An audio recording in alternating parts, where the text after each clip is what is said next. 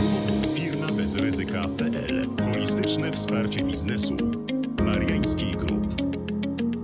Jak sprawić, by matematyka była bardziej kreatywna, czyli 2 plus 2 równało się 5? W pierwszym odcinku naszego podcastu o rozwoju firm rodzinnych porozmawiamy o M&A'ach, czyli fuzjach, przejęciach, połączeniach, w najprostszych słowach o zakupie i sprzedaży firm, w szczególności firm rodzinnych, które są moją zawodową pasją. Polsce działa około 830 tysięcy firm rodzinnych. Generują one rocznie ponad 300 miliardów złotych. Tym samym co piąta wypracowana złotówka to wynik pracy firmy rodzinnej. Większość z tych firm była zakładana w latach 80., 90., w związku z czym szacuje się, że w ciągu najbliższych kilku lat w ręce kolejnego pokolenia powinno przejść prawie 60% tych firm. Jednak, co ciekawe, tylko 10% następców deklaruje ich przejęcie. Co w takim razie z pozostałymi 50%? Temat trochę przekorny, bo będziemy mówili m.in. o sprzedaży firmy, którym wielu kojarzy się z negatywnym scenariuszem, a nie z rozwojem. Jednak transakcje M&A mogą być bardzo korzystnym rozwiązaniem. Mogą być też formą dofinansowania i ruszenia takiej firmy do przodu. Zarówno dla samego przedsiębiorcy, jak i całego przedsiębiorstwa i jego pracowników może być to ogromna szansa na dalszy rozwój i kolejne zyski. Zdecydowałam się na ten temat, ponieważ wiele polskich firm rodzinnych wchodzi właśnie okres, gdy ich założyciele planują wycofać się z biznesu albo powinni to zrobić. Bowiem, jak już wspomniałam, bardzo niewiele firm ma plany sukcesyjne i możliwość przekazania owoców swojej pracy w dobre ręce. A szkoda, bo polskie firmy to nasz kapitał. Na polskim rynku stoi niebawem stanie bardzo wiele firm przed kolejnym dylematem. Dylematem, co zrobić ze swoją firmą. Ostatnie kilka lat, czyli pandemia czy wojna za naszą granicą, sprawiły, że takich dylematów jest jeszcze więcej. Ponieważ mówimy o bardzo dużej grupie, to do nich w szczególności, czyli do firm rodzinnych i ich właścicieli, ale również następców tych właścicieli i pracowników, chciałabym skierować pierwsze odcinki tego podcastu i opowiedzieć o możliwościach, jakie daje MA. Dlatego dzisiaj porozmawiam, dla kogo MA jest dobrym rozwiązaniem, jakie ścieżki wyboru można sobie dobrać. Dowiecie się również, jak się przygotować do takiego procesu, jak zwiększyć, jak zwiększyć swoją atrakcyjność na rynku, ale też przeprowadzić taką transakcję. I czy można to zrobić bez profesjonalnego wsparcia? Zagadnienia te chciałabym dzisiaj omówić z panem Andrzejem Wyrudem, który od lat pośredniczy w dokonywaniu transakcji fuzji i przejęć poprzez kojarzenie ze sobą przedsiębiorstw oraz wsparcie firm w przeprowadzeniu takich transakcji zarówno w Polsce, jak i za granicą. Zapraszam. Podczas dzisiejszego spotkania mam niezwykłą przyjemność porozmawiać z panem Andrzejem Wyrudem, partnerem y, w Euromanager Poland. Dzień dobry. Dzień dobry pani. Mamy początek roku, więc taki czas podsumowań. Myślę, że wielu naszych słuchaczy oraz widzów jest ciekawych, jak wyglądał rynek fuzji i przejęć e, w 2022 roku, jak to być może będzie się kształtować w 2023 roku, a dla wielu z nich być może temat fuzji i przejęć to jest zupełna nowość. Więc myślę, że to będzie tak taki fajny prezent na początek roku, żeby trochę przybliżyć tę tematykę. Zacznijmy może od tego, czym są transakcje fuzji i przejęć, czyli tak zwane w naszym trochę żargonie bardziej profesjonalnym e, M&A. Generalnie to jest tak naprawdę część strategii rozwoju albo przedsiębiorstwa, albo samego przedsiębiorcy też. Jeśli chodzi o strategię rozwoju e, przedsiębiorstwa, to zwykle jest to związane e, z akwizycjami innych przedsiębiorstw. Jeśli chodzi o strategię rozwoju e, samego przedsiębiorcy, no to tutaj e, mogą być i akwizycje innych przedsiębiorstw, jak też sprzedaż po prostu własnego przedsiębiorstwa lub własnych przedsiębiorstw, czyli powiedzmy dla, dla przedsiębiorstwa, które dokonuje akwizycji, jest to zdobywanie nowych rynków, nowych produktów, często wchodzenie w ciekawe nisze, przejmowanie ciekawych marek e, produktów, z którymi e, można e, trochę lepiej rozpychać się na rynku, na półkach, na przykład jeżeli mhm. się dostarcza do, do sieci detalicznych lub, lub innych, DIY i tego typu. Mm, a dla przedsiębiorcy finalnie, jeśli jest zdecydowany na przykład na sprzedaż swojego przedsiębiorstwa, no to wiąże się to z tym, że doprowadza swoje przedsiębiorstwo, konkretny produkt do, do pewnego etapu, e, co czasami lub przeważnie wiąże się też z jakimś jego etapem e, życiowym, że mm, po prostu jest to dla niego metoda wyjścia z inwestycji, jak to, jak to finansiści generalnie tak, tak potocznie mówią. Pozyskanie środków na inne inwestycje, na wejście w inne branże, gdzie mógłby się realizować, e, lub e, znacznie spokojniejsze branże, gdzie operacyjnie e, niewiele albo nawet w ogóle sam nie będzie musiał być aktywny. I generalnie środki też dla, dla rodziny, jeśli sam już jest na, na etapie takim no, konkretnych e, bardzo planów emerytalnych. Czyli można powiedzieć, że mm, z tej wypowiedzi wynika, że każda firma wchodzi w taki etap, gdzie musi podjąć ostatecznie taką decyzję co do przyszłości, no bo zakładam, że o tym rozmówimy. I tę możliwość rozwoju tej firmy poprzez y, zakupy na zewnątrz jest taką możliwością do rozważenia, bądź właśnie sprzedaż firmy inwestorowi, tak? Ewentualnie jakieś tam dokapitalizowanie. W ogóle tak sobie myślę, że jesteśmy w Polsce teraz w takim bardzo ciekawym momencie, bo przecież większość polskich firm dużych teraz dużych, to są takie, które się zakładały na przełomie lat 80., 90., początek lat 90., gdzie ci właściciele już są w takim wieku, że myślą o ewentualnej sukcesji, właśnie sprzedaży.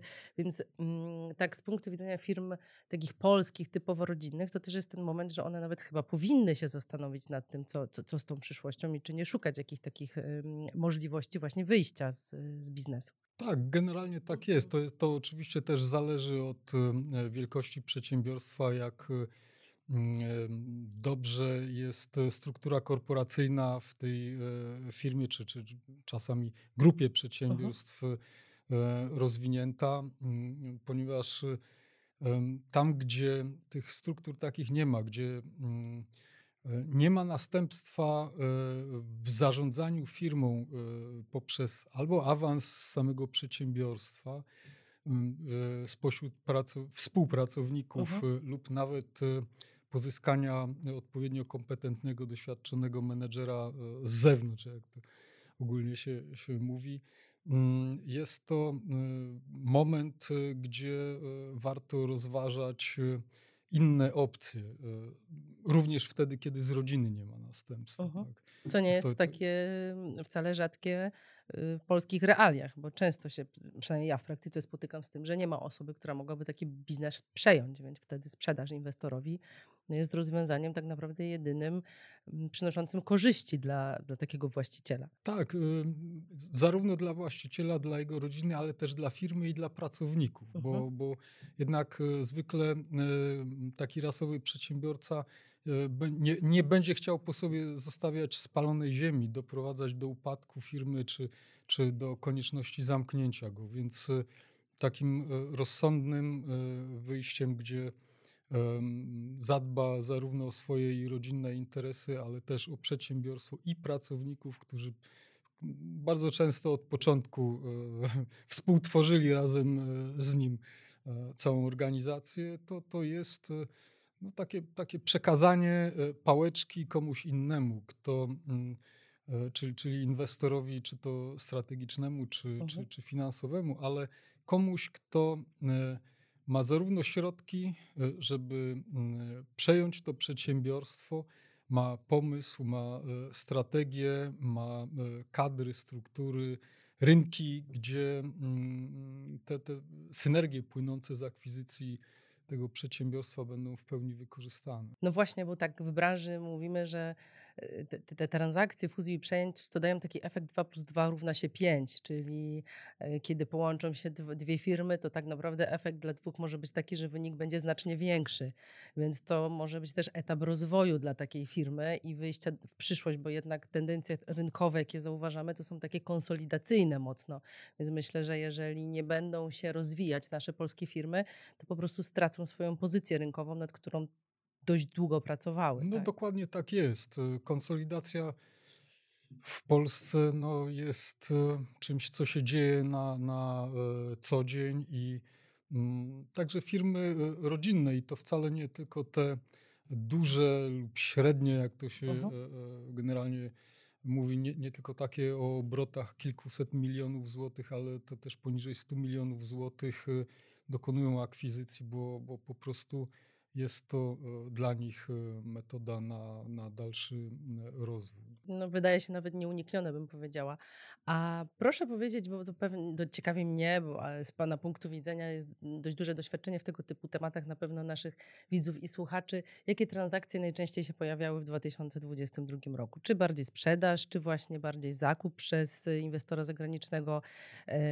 Czy to był bardziej inwestor prywatny, czy to były fundusze? Jak Pan ocenia ten rynek w 2022 roku? No jest to w zasadzie e, mieszanka wszystkich e, e, wymienionych przez Panią rodzajów inwestorów, zarówno krajowych, jak i zagranicznych. Generalnie przyjmuje się ta, tak ogólnie, że na tak zwanym rynku jest mnóstwo pieniędzy. Okej, Mhm. ale to mm, nikt nie, nie kupuje przedsiębiorstw po każdej cenie. Każdy inwestor, czy to strategiczny, czy, czy finansowy, bardzo dokładnie się e, jednak przygląda, czy strategicznie, aby na pewno dane przedsiębiorstwo będzie pasowało do koncepcji, jak ono jest zorganizowane, jakie tam synergie będą możliwe do e, osiągnięcia po akwizycji i w dalszej współpracy z tym e, przedsiębiorstwem, czy nie ma jakichś, kolokwialnie mówiąc, trupów w szafie, e, które mogą spowodować, e, że taka akwizycja jest po prostu strategiczną i finansową wtopą. I, i mm, w związku z tym transakcji e, mogłoby tak naprawdę być e, znacznie więcej. E, Zwykle e, jest e, na, na rynku mm, więcej potencjalnych targetów niż chcących, Chętnych. ni- ni- niż Mhm. chętnych e, kupić e, e, przedsiębiorstwo, ponieważ ci, którzy mm, mają środki na zakupy, są bardzo wybredni i no, generalnie do, do, do, do nich stoi raczej kolejka, niż to oni stoją w To kolejce. skoro mamy tyle potencjalnych e, kawalerów i panien na wydaniu, myślę, że tak można powiedzieć, to co musi zrobić taka firma, żeby stać się atrakcyjna dla takiego inwestora, skoro to inwestor bardziej wybiera? Cóż, je, jeżeli e, jest e, już ten moment, gdzie, w którym właściciel może mm, zacząć rozważanie e, m, ewentualnej e, sprzedaży, co, co, co zwykle kilka czynników się może na to e, złożyć, zarówno rodzinnych, zdrowotnych, no, brak następstwa z rodziny to już wymienialiśmy.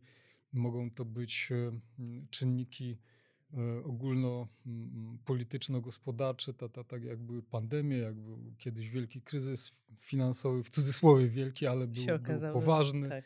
A się okazało, że teraz być 2008. może skutki będą bardziej e, tragiczne niż w 2008 roku. No ale zobaczymy. No więc, no więc właśnie, tutaj jeszcze nie wiadomo, jak tak naprawdę, e, jakie skutki będą i, i mm, No to mamy jakby to trwały. otoczenie, które Tak, no, dość tak. utrudnia, no bo rzeczywiście rynek jest trudny.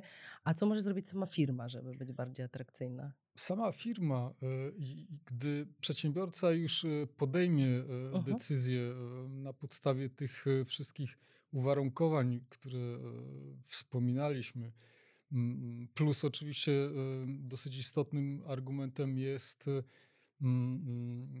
rynek, sytuacja na rynku i mm, wchodzący na na przykład nasz rynek e, krajowy lub e, e, nawet ogólnoeuropejski kolejnych mm, inwestorów, kolejnych konkurentów, którzy będą się przyczyniać do tego, że miejsca będzie coraz mniej, czyli będzie walka tak naprawdę Mhm. na, na każdym etapie, gdzie mm, mm, skutkiem jest, e, że marże spadają i im e, przedsiębiorstwo jest mniejsze i, i niższą ma e, tą rentowność gdzieś na, na końcu, bottom line, jak to mówią anglosasi, czyli, czyli wynik netto zaczyna spadać i możliwość refinansowania się do, do dalszego rozwoju, lewarowania poprzez kredyty i tak dalej, to wszystko zaczyna być na coraz gorszych warunkach jakieś decyzje trzeba podejmować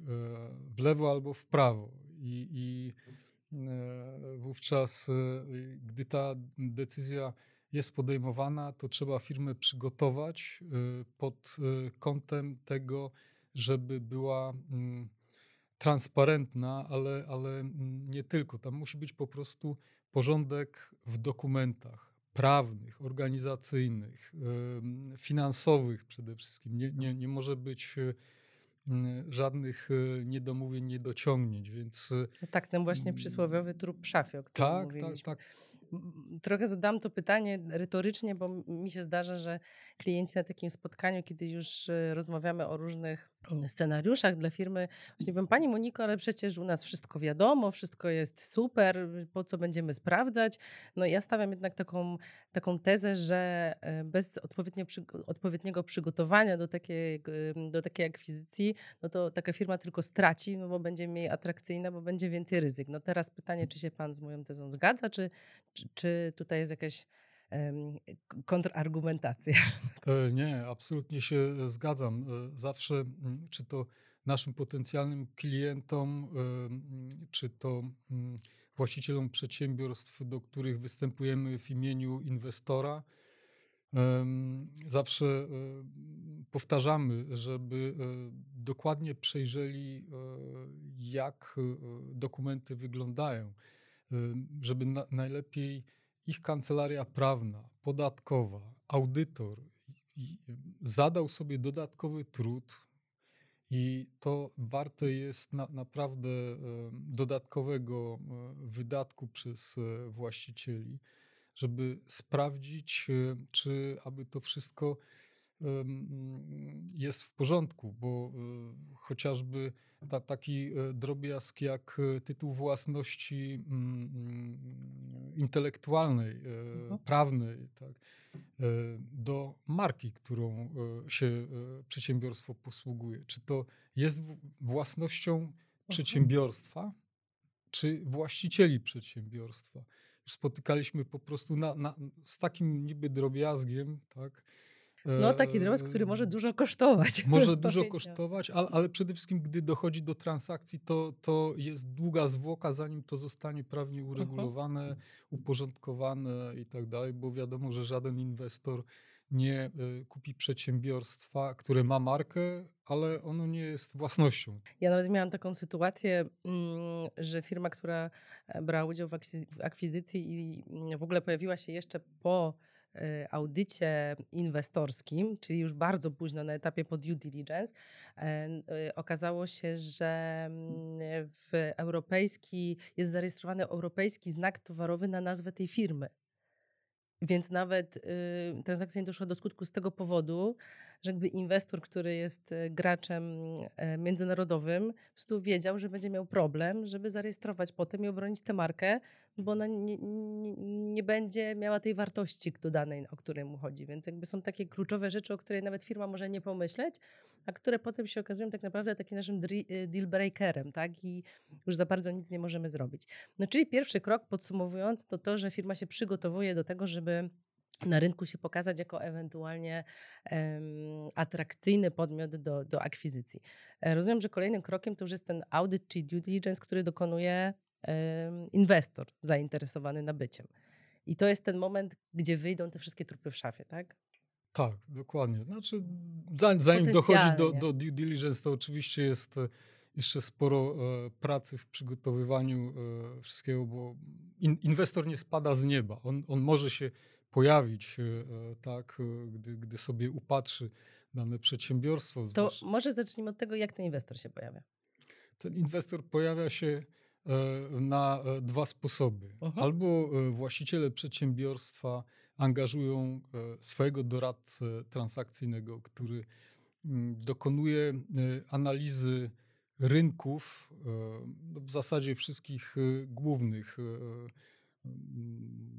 Europa co najmniej, jeśli przedsiębiorstwo jest bardzo wyspecjalizowane lub te też e, stosunkowo duże, ma bardzo silną markę rynkową, e, obecną na, na kilku rynkach europejskich co najmniej, wtedy warto i, i trzeba szukać Mm, inwestorów potencjalnych e, poza Europą.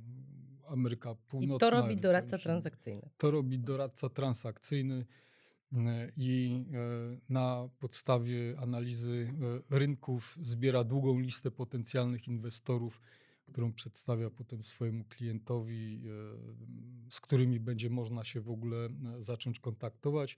Na w pełni poufnej bazie oczywiście E, żeby nie doprowadzić do tego, że e, cały rynek nagle, a zwłaszcza konkurenci wiedzą, że tutaj coś się z firmą X Tak, no tu dzieje. zakładam, że duży poziom zaufania i poufności musi być zaufany, y, zachowany, żeby nie było żadnych przecieków informacyjnych.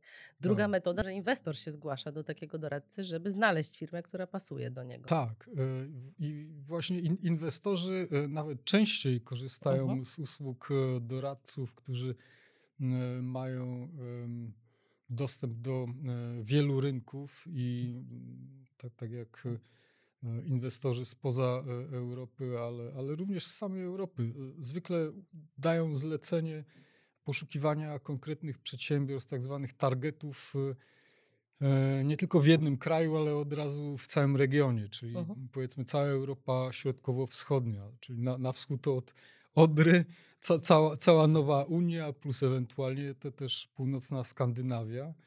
E, I mm, wówczas e, sieć doradcza e, szuka według określonego przez inwestora kryterium odpowiednich kandydatów i wówczas no, dochodzi do tego, że, że kontaktują się również bardzo poufnie z właścicielami konkretnych przedsiębiorstw i, i też e, poufnie e, no, sprawdzają, czy byłoby ewentualnie zaufanie. Także tak naprawdę W dwie e, strony to działa. w dwie strony Mhm. to, to działa i, mm, i w zasadzie wszyscy to wiedzą, a zwłaszcza inwestorzy wiedzą, że jeżeli będą sami szukać danych targetów, co oczywiście też się zdarza, bo, bo głównego konkurenta w danym regionie e, świata. No, w niektórych branżach jest prosto, bo Tak, właśnie tak, jest to- to- to- firm. To, tak. to, to, to mówią swojemu doradcy, słuchajcie, idźcie do Kowalskiego, my nie możemy tam e, iść od razu jako my, bo, bo on się przestraszy, że to może jest jakaś prowokacja, kawał, prima aprilis i tak dalej. Może chcemy informacje wyciągnąć, bo No, czasem też. tak, tak, dokładnie, dokładnie. I, I tutaj rzeczywiście trzeba bardzo e, uważać. Natomiast e, wówczas, e, kiedy jest e, angażowany doradca transakcyjny, druga strona zawsze wie, że to już jest poważna sprawa. Jeżeli mm, doradca wystąpi w imieniu przedsiębiorstwa poszukującego inwestora, dla y, inwestorów jest to sygnał, to jest poważna sprawa, to nie jest window shopping, czyli jakieś tam sprawdzanie y, wartości przedsiębiorstwa na rynku, ile kto by y, był skłonny zapłacić. y, A z kolei, jeśli w imieniu inwestora y, również y, zgłasza się doradca transakcyjny, to, to dla właścicieli też jest odpowiedni sygnał, że to to, to jest e, poważna sprawa. To może zadam kolejne takie troszeczkę zaczepne pytanie. Czy uważa Pan, że da się przeprowadzić taką transakcję bez profesjonalnego wsparcia? Wszystko się da, ale, ale to kosztuje. Wbrew pozorom znacznie więcej niż bez doradców. Czyli bez doradców y, dostaje się mniej, jakby rozumiem, taki jest wniosek. Tak. E, Przedsiębiorc, przedsiębiorca, m, który e, nie angażuje e, mm, doradcy transakcyjnego, jest skazany na przykład na tylko tego inwestora, który się do niego zgłosił. Wówczas nie ma w ogóle e, żadnego porównania, jakie inne oferty może e, uzyskać. To, to, to, to jest raz.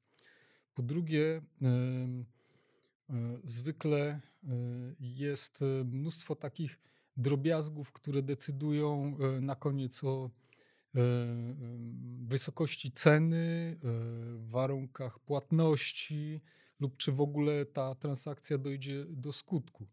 E, Ponieważ e, można samemu sprzedawać przedsiębiorstwo, ale jeśli nie widzi się całego e, otoczenia gospodarczego mm, i, i nie wie się, w jaki sposób inwestorzy postępują, negocjują, nie wiedzą, jak interpretować pewne sygnały wysyłane lub wypowiedzi in- inwestora, to, to, to po prostu może być różnica 20-30%, może nawet Na e, niekorzyść więcej. takiej firmy. Na niekorzyść takiej firmy, a w warunkach Tak. płatności. Zgadzam się, jeszcze tutaj to- mamy efekt taki, że może być nawet wykorzystana ta sytuacja przeciwko takiej firmie, bo jak mamy po drugiej stronie inwestora doświadczonego, samego, sam inwestor doświadczony akwizycjami z doradcą, a po tej stronie mamy niedoświadczoną firmę, to jakby druga strona może wykorzystać po prostu te braki w wiedzy i doświadczeniu na swoją korzyść, tak?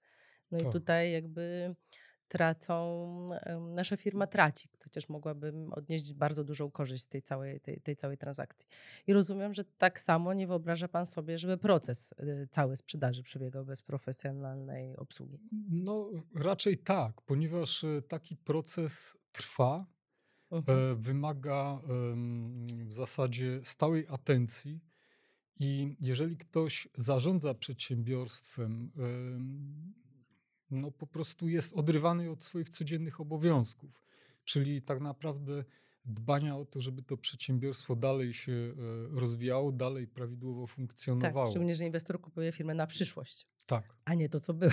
tak. Więc tak, troszeczkę tak, czasem tak. o tym nasi klienci zapominają, że inwestor bada tą firmę pod kątem tego, jak ona będzie funkcjonowała w przyszłości, a skupia się tylko na badaniu przeszłości po to, żeby wiedzieć, czy w przyszłości nie pojawią się ryzyka. To jest coś, co bardzo często muszę właśnie klientom tłumaczyć, że to musi wyglądać ładnie na przyszłość. Tak jak niektórzy się śmieją, że trzeba zobaczyć, jak wygląda teściowa przed ślubem, tak? No bo żona może tak samo wyglądać. No tak, To trochę tak. to, to się sprawdza, wbrew pozorom. A proszę mi powiedzieć, jak pan widzi ten em, rynek fuzji i przejęć w 2023 roku? Będzie się sprzedawało, nie będzie? Ja, ja, e, no mamy taką sytuację e, geopolityczną i w ogóle gospodarczą dość trudną, więc jak to pan em, przewiduje? O, je- jestem urodzonym optymistą, wie, wie, więc widzę dużo, dużo negatywów e, potencjalnych, ale nie ma co mm, tutaj e, wróżyć e, z fusów, bo, bo w, tym, w tym momencie to jest trudne do przewidzenia. E, Jeżeli obecna sytuacja będzie nadal trwała, będzie mm, pewna mm, ostrożność inwestorów międzynarodowych, jeśli chodzi o rynek polski. Mhm. Widzimy coś takiego od mm, lutego, marca bieżącego roku, od rozpoczęcia Wojny. wojny e, gdzie część inwestorów e, powiedziała, że po prostu e, na razie to, to, to odczekają. Będziemy w kontakcie, tak, jak tam to się skończy, się wyjaśni, to, to wtedy wrócimy do rozmów i, i nie wiadomo, jak długo to, to będzie trwało. Są oczywiście inwestorzy, którzy są zdecydowanie nieważne, Mhm. co, co, co się wydarzy i, i co się będzie działo, żeby w Polsce inwestować, ale mm, em, są, to, są to dosyć specyficzni, tacy, którzy muszą e, u nas na rynku e, albo zaistnieć, bo ich tutaj jeszcze nie ma, w związku z tym muszą dokonać jakiejś in, akwizycji. Żeby się pojawić na rynku. Żeby się Mhm. pojawić. e, Są, są też tacy, którzy są e, bardzo przymuszeni do tego, żeby mm, inwestycje, akwizycje u nas przeprowadzać, e, bo e, przedsiębiorstwo lub przedsiębiorstwa, które e, mają już w Polsce, mają zbyt małe udziały w rynku. A, a ponieważ e, raczej przewiduje się, no, że może być recesja, no to jeśli jest recesja, to w recesji się kupuje. Tak, tak. Bo wtedy Jak mamy koniunkturalne doły i górki, to kupujemy Tak. w dole, Tak, jest tak, tak, takie jest generalnie czyli podejście. będzie się działo.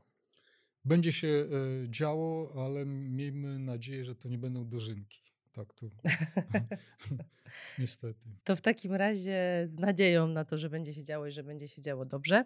Bardzo dziękuję za to spotkanie. E, Zgadzam się z każdą tezą tutaj wypowiedzianą przez mojego gościa, że więcej się traci, kiedy jest się samemu, bo chyba tak. I, tak i życiowo, i, I życiowo, i biznesowo. Dziękujemy bardzo. Dziękuję bardzo. Dziękuję bardzo, panie Andrzej. Czym są M&A jako część strategii rozwoju przedsiębiorstwa? Na pojęcie to składają się akwizycja, czyli zakup innych przedsiębiorstw. Pozwala ta na zdobywanie nowych rynków, przejmowanie ciekawych produktów, wejście w nowe tereny, nowe rynki, ale też rozwój własnego biznesu.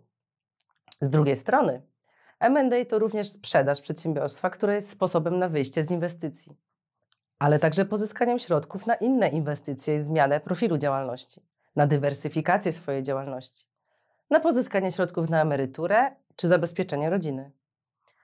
Ale to także sposób na zapewnienie przyszłości biznesowi, który nie ma następcy wewnątrz przedsiębiorstwa czy rodziny. A jak się przygotować? Tutaj mówimy o audycie czy tak zwanym due diligence. Niezależnie od rodzaju przeprowadzonej transakcji, niezbędne jest przeprowadzenie takiego procesu, procesu audytowego, czyli poddanie firmy dogłębnej analizie. Ma to znaczenie zarówno z punktu widzenia sprzedającego, jak i w razie akwizycji, choć pojawia się to na różnym etapie kupującego. W przypadku sprzedaży audyt to etap przygotowania do wejścia na rynek.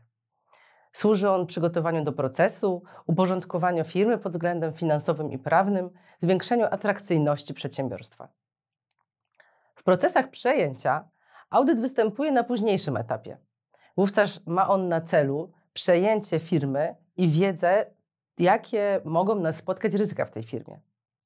Przy przejęciu audyt pojawia się na zaawansowanym etapie rozmów inwestycyjnych. Potwierdza zgodność z założeniami inwestorów. Pozwala wyeliminować ryzyka na przyszłość. Co sprawdzić? Niezbędna jest analiza sytuacji przedsiębiorstwa, m.in. w zakresie jego struktury, uregulowania stosunków prawnych, uporządkowania dokumentów finansowych i prawnych, uporządkowania w zakresie prawa własności intelektualnej. Niezwykle istotny jest również stan prawny nieruchomości, a także inne ograniczenia wynikające z umów, czy to z finansującymi nas bankami, leasingami, czy z kontrahentami. Jak przebiega sam proces? W pierwszej kolejności w ramach transakcji firmy doradcze dokonują analizy rynku. Taka transakcja może mieć początek z obu stron, bądź przedsiębiorstwa dokonuje analizy rynku i opracowuje listę potencjalnych inwestorów, bądź inwestor analizuje rynek pod kątem poszukiwania podmiotów do zakupu, czy to komplementarnych, czy aby właśnie zdywersyfikować swój biznes. Następnie dochodzi do kontaktu wyboru odpowiedniego podmiotu, który stanowi dla nas doradcę transakcyjnego i przechodzimy do momentu negocjacji i ustalenia warunków transakcji. W fazie transakcyjnej możemy wyróżnić kilka etapów. Początek transakcji to podpisanie umowy o poufności, czyli tzw. NDA, podpisanie term sheetów, ustalenia organizacyjne, wybór struktury procesu, ewentualnie jakieś memorandum informacyjne. W fazie środkowej przeprowadza się badanie due diligence, współpracuje się z doradcami, negocjuje, doprowadza się do wiążącej oferty. Tak, aby na końcu sfinalizować transakcję, czyli dokonać uzgodnień kluczowej dokumentacji, podpisać i cieszyć się z zamknięcia wymarzonej transakcji. Przeprowadzenie procesu inwestycyjnego jest dość skomplikowanym przedsięwzięciem. W procesie tym kluczową rolę odgrywa dobór odpowiedniego wsparcia.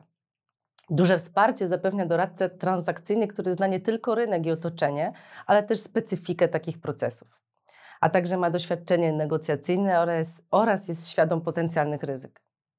Współpracując z, z doradcami, którzy są niezależnymi instytucjami, zyskujemy wsparcie w bardzo holistycznym zakresie.